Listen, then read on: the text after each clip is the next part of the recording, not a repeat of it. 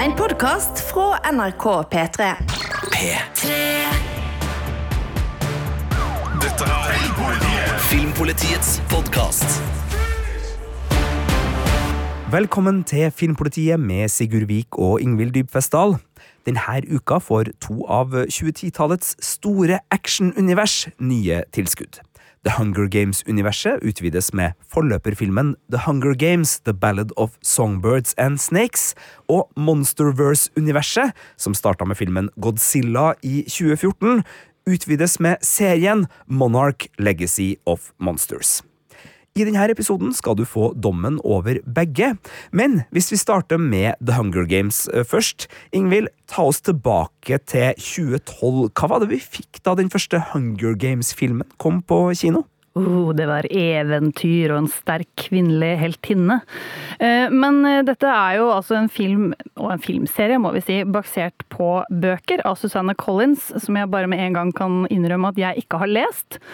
Eh, Og det er Jennifer Lawrence, som da i 2012 allerede hadde markert seg i Winter's Bone, som spiller Katniss Everdeen. Hun lever i et eh, postapokalyptisk Amerika som heter Panam, og består av tolv distrikter og Capital. Og etter en krig mellom distriktene for mange år siden, får vi vite, da film 1 begynner, så er det vel den 74. Hunger Games som skal i gang. Um, så er Panem et diktatur som styres fra Capitol, bl.a. gjennom disse årlige Hunger Games. De kalles jo dødslekene på norsk, nettopp fordi det er jo en kamp til døden, der to utvalgte ungdommer fra hvert distrikt kjemper til siste gjenlevende. Og 16-årige Katniss hun blir opprinnelig ikke trukket ut, for de trekker jo disse to delegatene fra hvert distrikt på The Reaping Day. Men hun melder seg frivillig fordi lillesøsteren Prim blir trukket ut. Og hun og den mannlige kandidaten Peta Malark må da kjempe mot de andre distriktene, og hverandre selvfølgelig, i en enorm skogsaktig arena, eh, samtidig som teknologien der stadig kan endre miljøet rundt, og utfordringene som disse ungdommene får. Og en av tingene som skiller da Hunger Games fra andre sånn Battle Royale-filmer, som vi vel kan kalle det, eh, for der er det altså spill med livet som innsats. Og det har vi sett på film siden, eh, jeg tror helt siden The Most Dangerous Game i 1932. Eh, Det er at dette her blir jo direkte overført på TV, og deltakerne har bedre sjanse for å overleve om de får mange sponsorer som sender dem hjelp underveis. Altså de må bli likt. Og Katniss hun, egentlig, hun er jo egentlig familiens jeger, skaffer mat, er god med pil og bue. Men i Hunger Games så blir hun tvunget til å opptre i tillegg eh, da, for å overleve. Og så får hun en litt forfylla mentor som heter Hamish, spilt av Woody Harrelson. Som altså før turneringen prøver å vri denne jegeren inn til eh, en performer. Eh, og så er det det at måten Katniss da skaper vennskap med en jente fra distrikt 11, og synger for henne når hun dør, eh, det skaper opprør i distriktet. Noe president Coril- Coriolanus, jeg sliter veldig med å uttale hans navn, kan jeg bare røpe med en gang. Eh, Han vil slå hardt ned på det, fordi lekenes formål er jo nettopp å forhindre opprør. Og lekenes mester, Seneca Crane, som i film 1 er spilt av West Bentley, han blir overtalt av Hamish til å tillate to vinnere. Men så, ja, og så vrir det er masse vrier, jeg skal ikke røpe. Eh, Men altså, film 1, der var de store dødslekene. Eh, Jeg syns vi nesten må røpe at eh, Katniss og Pita her overlever. For ellers hadde det ikke kommet Unnskyld, fire filmer til? Nå ble jeg helt usikker plutselig. Men de resterende filmene I 2013 kom altså 'Catching Fire'. Den var regissert av Frances Lawrence, samme som har regissert nå eh, forløperfilmen. Og den slo også altså Twilight-rekorden for novemberpremiere, kan vi røpe. Den som eh, kom da.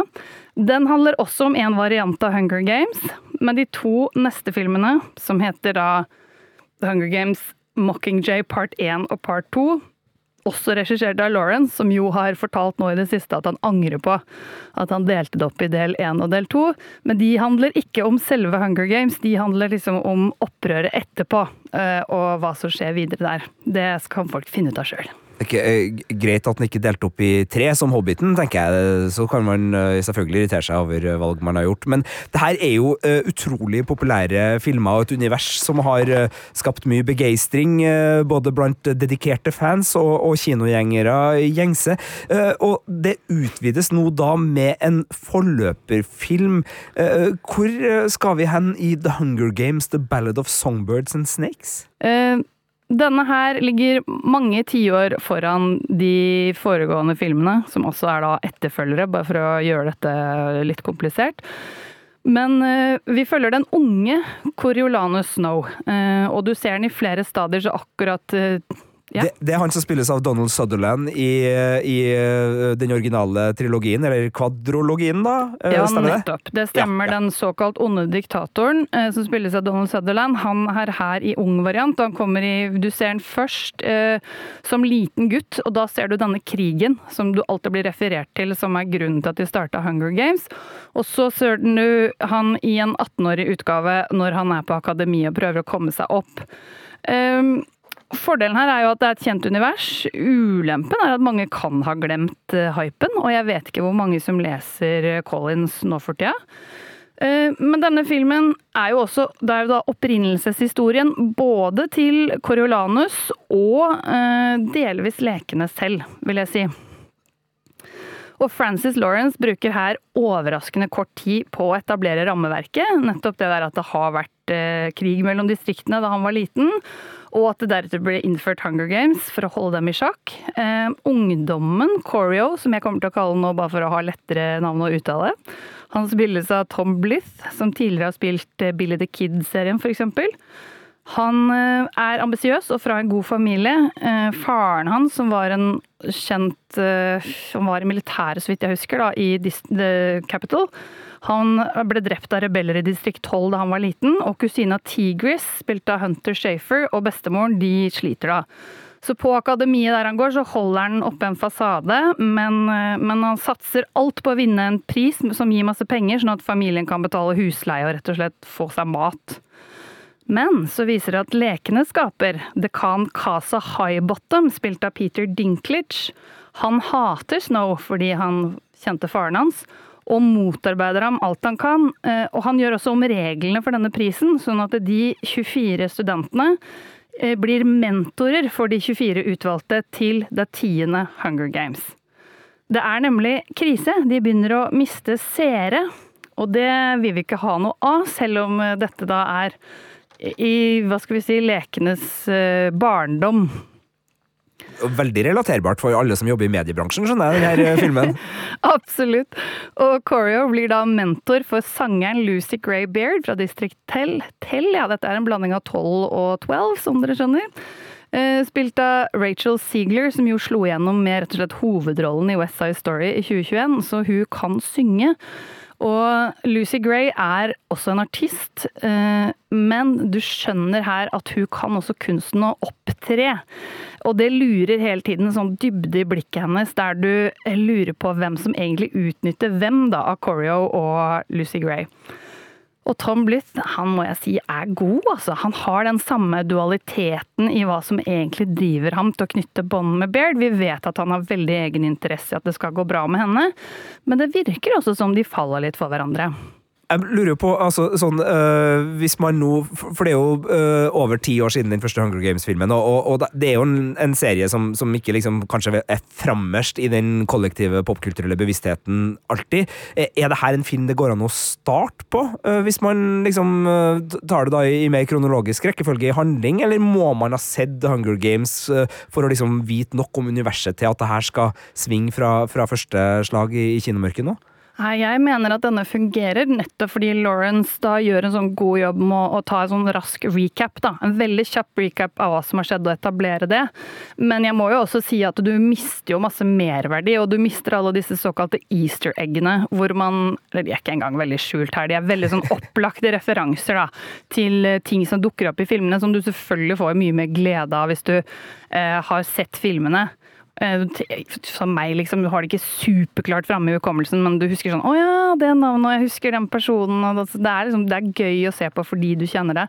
Så jeg vil tro Jeg mener den vil fungere i begge tilfeller, da. Men selvfølgelig, en ekstraverdi for de som faktisk kjenner universet.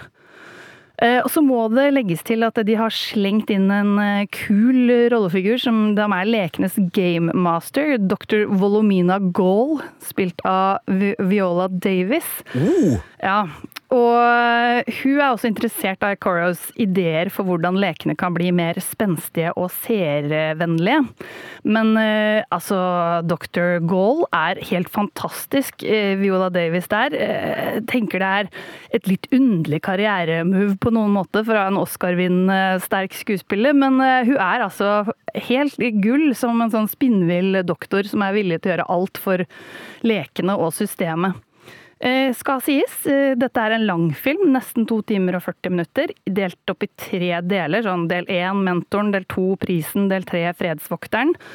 Og for meg så fungerer de to første best. Lawrence gjør en sånn Altså regissøren, ikke Jenny Hun er ikke med fra Cat men det blir, det, blir, det blir forvirrende med, med Lawrence som, som kun eh, Ja, Jeg men Jennifer Lawrence. jeg kjente jeg ble forvirra selv. Eh, Ja. Men regissøren gjør altså eh, den her verdensbyggingen og etableringen av rollefigurene veldig godt i de to.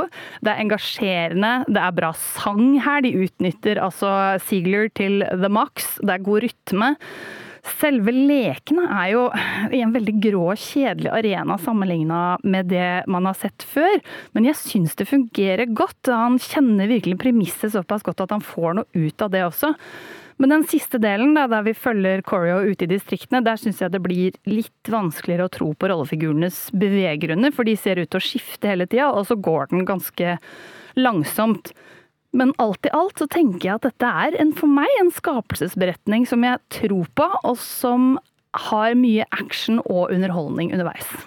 Jeg øh, forstår deg jo sånn at det her er da en, en vellykka utvidelse som, som øh, ja, øh, Har du en terning òg, kanskje, så, så, så kan vi liksom bare få slått fast hvor godt du liker det. Jeg kan røpe at jeg triller terning fem. En terningkast fem, ikke sant? Og, og, og det er jo da et tegn på at Hunger Games i 2023 har noe, noe for seg. Eh, Er det starten på noe mer, opplever du? Altså Hvis de får øh, suksess med den her, og så har vi nå en, en større historie å fortelle igjen til, i, i nye filmer, legges det opp til at det her var Forfilmen, eller ikke forfilmen, for det på kino var en Ja. sånn liten kortfilm, men, men altså den prequelen som liksom er siste bit i det puslespillet som allerede nå har blitt lagt.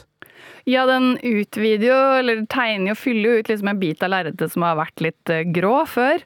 Um, og det er absolutt noe sånn spørsmål som ligger litt og lurer igjen etter at filmen er slutt. Samtidig så syns jeg jo også den snører opp veldig mange røde tråder som den legger ut tidlig, som man liksom klarer å samle inn på veldig glatt vis.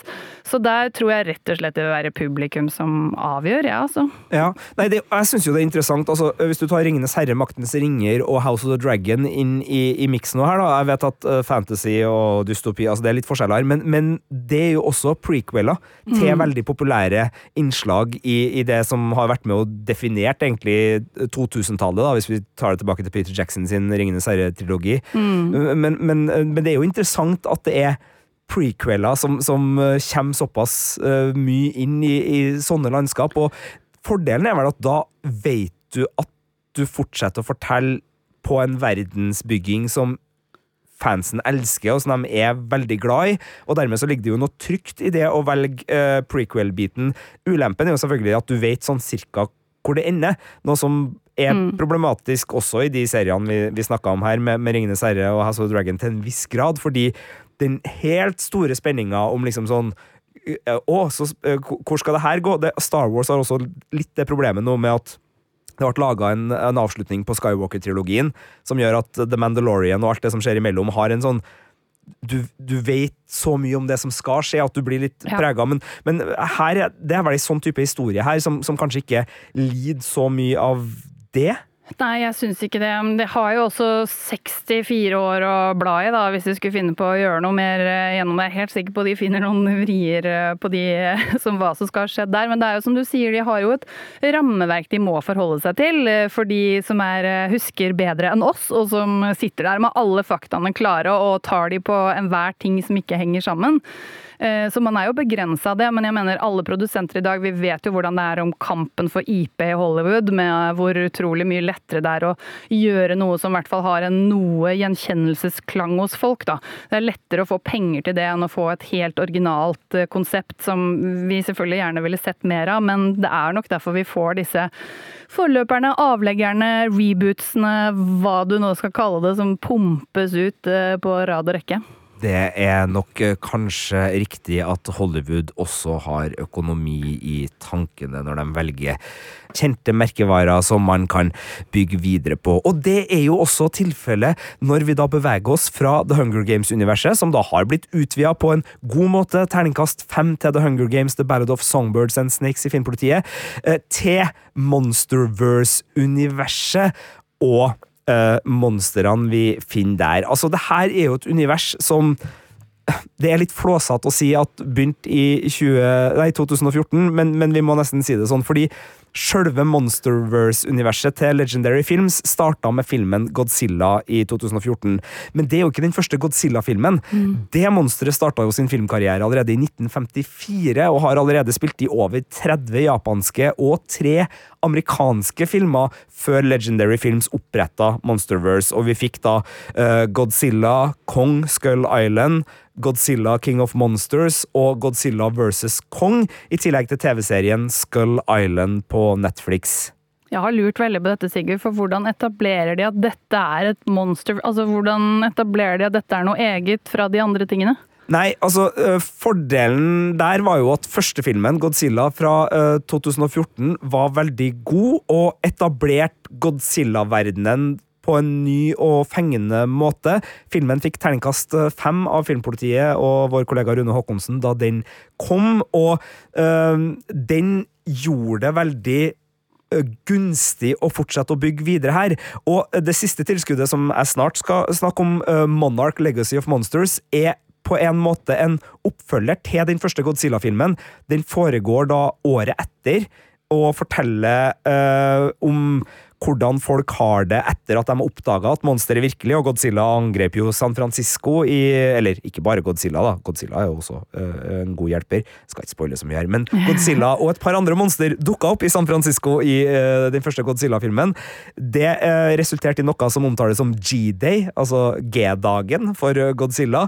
Og, og, det har gjort at nå har man monsteralarmer, og man lever i en virkelighet hvor man vet at hvis man er uheldig, så kan det komme titaner, som de her monstrene kalles kalles, og, og de er jo som masseødeleggelsesvåpen og, og, og regne. Så, så, det er Eller naturkatastrofer, da, alt ettersom men, eh, hvordan du velger. Så, så, det er liksom eh, premisset for denne serien, men den forteller også tilbake i tid den også foregår på 50-tallet og forteller da historier om denne organisasjonen Monarch, som da er Uh, vesentlig. Det er en litt sånn militær, hemmelig internasjonal organisasjon som både driver med forskning og prøver å finne ut hvem er de her monstrene, hva er det som driver dem, hva, hvor kommer de fra, hvilket mønster er de følger, uh, samtidig som de prøver å sprenge dem med atomvåpen og, og ta rotta på dem innimellom. Uh, så det er jo en sånn dualitet der. Men for å svare på det første spørsmålet ditt litt. Altså, jeg vet ikke nok om de gamle Godzilla-filmene, verken de japanske eller de amerikanske, bortsett fra den fra 1998, var det vel, ja, som hadde Uh, P. Diddy på soundtracket med hjelp av Led Zeppelin, og som var en skikkelig blockbuster-katastrofefilm for oss som uh, likte den slags på, på 90-tallet. Kom vel etter Independence Day, men var litt sånn sommeren etter. Da kom det en Godzilla-film. og uh, Jeg kjenner jo til det, men, men, det virker jo som Monsterverse har klart å skape en mye mer sånn helhetlig verden gjennom å levere da fire kinofilmer så langt, og, og de to TV-seriene, hvor du da bygger ut både King Kong og Godzilla og flere, eh, på en måte som, som gjør at det her eh, svinger sammen da i et eh, univers det er lett å hekte både filmer og TV-serier på.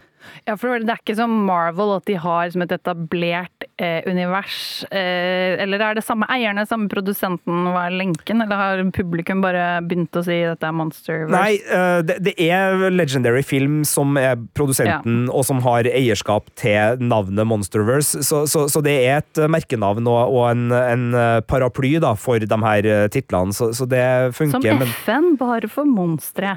ja, det kan man si. Så, så det funker her. og hvis vi bare tar liksom filmene, så har det jo vært litt varierende kvalitet. Altså, Den første Godzilla-filmen, eh, terningkast fem, veldig god. Jeg så den igjen her om dagen. Den, den eh, står seg, den. altså Veldig fin blanding av den der katastrofefilmgreia med at det er noen forskere som ingen vil høre på. Ja, ja. Uh, Bryan Cranston, uh, kjent fra Breaking Bad, spiller jo da en, en, en, en sånn forsker. Eh, og, og så er det liksom Uh, man oppdager katastrofen før det er for sent, og man får spektakulær action, samtidig som det menneskelige aspektet er veldig til stede, og man, man liksom kjenner på konsekvensene, og den, den viser liksom følgene en sånn naturkatastrofe kan få, da, både på befolkning og, og på hvordan man tenker, og på hvordan verden man får etterpå. Så uh, kom Kong Skyle Island, som fikk terningkast uh, fire på, av oss i Filmpolitiet. Uh, der var det jo litt mer sånn god gammeldags eventyr-vib. Birger Vestmo skrev da her er det litt Indiana Jones, litt Jurassic Park og selvsagt litt King Kong. Så det var en litt annen type film, men også en god underholdningsfilm. Så kom Godzilla King of the Monsters. Den ga jeg terningkast tre, og sa diger, dum og litt deilig. Fordi da var vi over i det som så ut til å være bare en sånn blanding av heavy metal-cover fra 80-tallet i sånne monster-apokalypse-settinger hvor veldig mye var ild og trehoda demoner og det, det, Altså, det var ikke demoner, men altså, det, det, det var noe helt vanvittig sånn uh, drøyt, svulstig 80-talls actionopplegg over det hele. Uh, Og så- Millie Bobby Brown, da.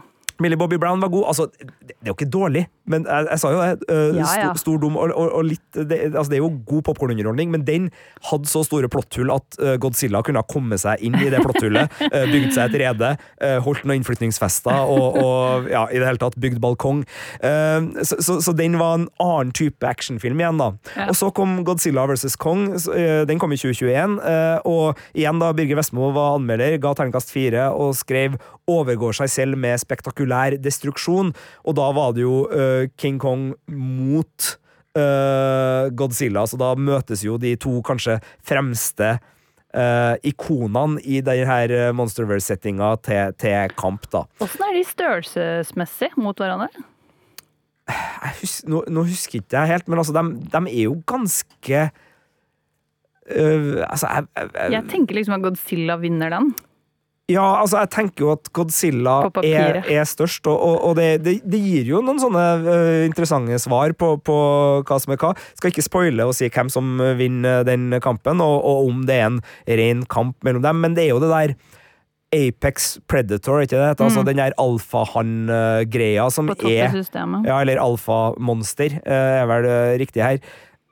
Som, som er liksom drivkraften bak mange av de filmene. Det er jo også grunnen til at Godzilla eh, kan være helten i en historie hvis det er andre monster som er mer eh, problematisk. Fordi uh, Ja, ja. hvis et monster på en måte si 'hei, her er jeg', så vil andre monster utfordre det monsteret. Og det er også hovedmekanismen bak Skull Island-serien, som er den animerte serien som kom på Netflix litt tidligere i år. Der er det også et monster som holdt til utenfor Skull Island, som er da uh, Kongs uh, rike, og som utfordrer uh, den gigantiske gorillaen eh, til en, en tvekamp. Så det er jo ofte liksom mekanismene bak det her. Men samtidig så syns jeg jo det her Monsterverse nå begynner å få ganske mye interessant mytologi. Altså, hvem er de, hvor kommer de fra, uh, og hva er liksom grunnen til at uh, ting blir som de blir. Og der er jo den nye serien Monarch Legacy of Monsters, som er da en serie som kommer nå 17. november på Apple TV+. pluss. Uh, et godt tilskudd eh, på de åtte av ti episodene jeg har fått sett, for det er de som var ferdig før eh, serien eh, eh, begynner å rulle og gå nå med ukentlige episoder. Og jeg må si jeg digger på mange måter den serien og det den gjør, fordi jeg liker universet, og det her er en serie som både tar meg liksom historisk inn i det, forteller om Monarch, som er den, den her organisasjonen, tar meg tilbake til et litt sånn Indiana Jones-inspirert 50-tall, hvor Wyatt Russell, uh, sønnen til Kurt Russell, og tidligere sett i eh, Marvel Cinematic Universe som en slags Captain America. Skal ikke si så mye mer der. Eh, kan se den Falcon and Winter Soldier-serien på Disney Plus hvis dere ønsker å se han eh, der. Eh, han spiller en eh, ung utgave av en fyr som heter Lee Shaw, som er en militærfyr, men som begynner å interessere seg for eh, Monarch sin forskning og, og blir sentral der. Og så spiller jo faren til White Russell Kurt Russell, den aldrende versjonen i 2015, hvor han har blitt en fiende av Monarch. En sånn fyr som de prøver å få til å tie stille. En rebell. Og det er jo kjempefascinerende å se den gamle actionhelten Kurt, eh, Kurt Russell uh, i kamp mot uh, litt sånn uh, Uh, Secret Organization uh, Army Monarch-opplegg. Det, det, det svinger godt, og i 2015-tidsplanet så er vi også rundt omkring i verden, og som gjør at man kan få en del eh, opplevelser som filmnerd. Eh, Blant annet så er de i et isøde, noe som gjør at de som har sett The Thing med Kurt Russell fra 1982, en av de beste skrekkfilmene som fins, kan få noen eh, ja, det er vel snakk om easter eggs her òg, eller i hvert fall popkulturelle referanser som, som begeistrer. Så det er veldig mye som svinger i denne serien for meg.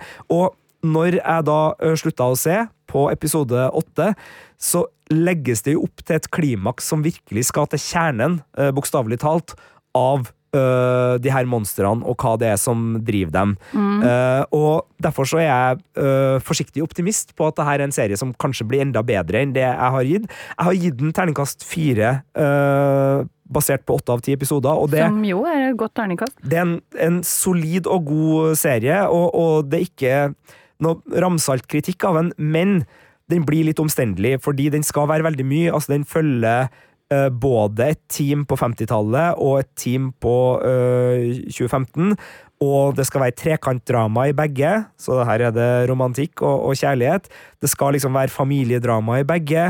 Det skal, eller liksom, det var litt eh, dårlig gjort av meg å si. Det skal være familiedrama i begge. Eh, og det skal være sånne teite militærskurker som alltid mener at atombombe er den beste løsninga. Ja, dere, eh, dere kjenner til dem. Dere har sett dem i Jeg ser 80-talls Christopher actionfilmer. Heyerdahl eh, er på rollelista, ja. Han er kjempegod til å spille sånne Ja. ufyselige militære ledere, og gjett hva? Det er det han gjør nå òg. Så det er ganske mye sånne tradisjonelle 80-talls action-rollefigurer inn i den serien her. Og når du blander det sammen med monsterangrep og øh, litt mer sånn kvalitetsdrama-TV-serie, så blir det en litt rar miks, som ikke alltid spiller helt på lag. Eh, Jeg merker jo at det jeg savner mest, er kanskje Monster Action, fordi det er jo ikke noe tvil om at den store attraksjonen i Monsterverse er den litt sånn elleville, spektakulære, dumme, store underholdninga som kommer av at de her eh, gigantene denger løs på hverandre. Eh, det er ikke så mye av, det er ikke uh, helt fraværende, men, men det er ikke så mye av det på den lille skjermen. Eh, og så syns jeg kanskje ikke at dramaserien er alltid like god. Altså, den kan bli litt sånn eh, Hva skal man si? Ikke lat, for det, den er ikke det, men altså, den kan lene seg litt hardt på litt sånn opplagte sjangerelementer. Mm. den virker ikke alltid å være inspirert som dramaserie. Nei. Og det, det gjør at den har noen sånne Så- ti, min- timinuttere hvor du bare liksom Ja. Ja, for den Ok. prøver å være begge deler. Prøver å være både drama og monster, og så savner man egentlig mer av begge deler. Ja, øh, jeg merker jo at jeg savner mest monster og, og spenning, for det, Ja. det er derfor jeg er i det universet her.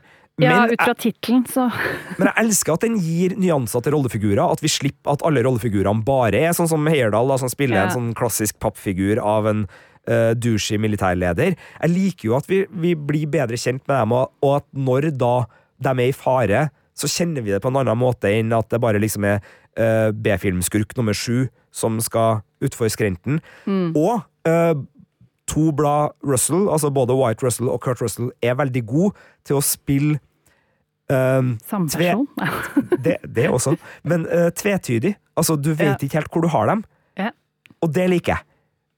Det syns jeg er en sånn det, det er heroiske egenskapet her. Det kyniske egenskapet her. De er egoister. De har fellesskapets beste øh, på horisonten. Men, men jeg liker sånne, ikke antihelter nødvendigvis, men sånne øh, tvetydige helteskikkelser i, i sånne settinger. Det, det syns jeg er fint. Så, så hvis du har likt Monsterverse-filmene, og, og ikke minst altså, jeg, må bare få anbefale den Netflix, animerte Netflix-serien. Altså det, det, er en sånn skikkelig fin liten Jeg tror det er åtte 20 minutter-episoder. Yeah. Uh, litt sånn, sånn uh, lørdagstegnefilm-actionunderholdning uh, fra 90-tallet. bare at det er ei sammenhengende historie. Vittig, lun, fint rollegalleri og ei fin historie om både Skull Island og, og Kong, som, som, jeg liker skikkelig godt. Og selvfølgelig et helt ufyselig sjømonster, som, som du også blir skikkelig irritert på. Så, så den, den, er faktisk enda bedre enn Monarch Legacy of Monsters enn så lenge, for jeg gleder meg jo veldig til å få se de, de to siste episodene når de da endelig blir tilgjengelig. Men det her starta altså på Apple TV Pluss øh, fredag 17. november og skal gå med ukentlige episoder der. Så det er en anbefaling. Uh, Hunger Games uh, fikk jo da en femmer på sin utvidelse, og blir da ukas vinner i kampen uh, om altså actionuniversutvidelsen. Så, så applaus til, til Hunger ja. Games der, den skal få det. Men på en hederlig plass nummer to så, så kommer Monarch Legacy of Monsters. Og jeg må ærlig innrømme, da vi i forrige uke sa det, det er det vi skal det er det vi skal se på neste uke. Det kommer to svære actionutvidelser. Mm. Så var jeg litt sånn der Ok, det kan gå alle retninger. Det her kan være to terningkast to og meh over hele linja. Ja, ja. Og det kan være kjempebra. Og jeg er jo veldig glad uh, når da resultatet viser at uh, begge de her øh, kjære uh, actionuniversene, for det er jo veldig mange som er veldig glad i både Hunger Games-universet og Monsterverse, at de da kan sette seg ned og, og nyte de nye innslagene, og ikke bli skuffa over uh, gamle favoritter som har falt for nye synder. Ja, forhåpentligvis. Hvis dere er, har litt lik smak som Sigurd og meg, så vil dere i hvert fall synes at det er ting å bite i her. Og jeg må jo også si med Hunger Games nå forløper, det er deilig å se hvordan ringen er litt slutt slutta med Katniss Everdeen, eller Jennifer Lawrence sin karakter. Fordi, eh, som vi påpekte, hun er jo en jeger som ble tvunget til å opptre. Mens Lucy Gray Beard er jo en som opptrer, men som blir tvunget til å bli en slags jeger. Så det er noen gøye dualiteter her som dere bare kan kostre med det kan man ta med seg inn når man eventuelt da skal på kino og se The Hunger Games, The Ballad of Songbirds and Snakes. Det er der eh, den kommer. Har premiere fredag 17. november. Eh, og så eh, må man da på Apple TV Pluss for å begynne på Monsterverse-universet og Monarch Legacy of Monsters, også da fredag 17. november. Det var det vi hadde i dag. Tusen takk for oss. En podkast fra NRK. Hei, jeg heter Ingrid Waaler. Synes du Love Island er mer interessant enn Premier League? Ingen kommentar. Da er trash noe for deg? I'd like to know what's going on between Carly Kloss and Taylor Swift. Hver uke inviterer jeg deg og en gjest til å menge oss i all den deilige søplete popkulturen som finnes der ute. Hør Trash i appen NRK Radio.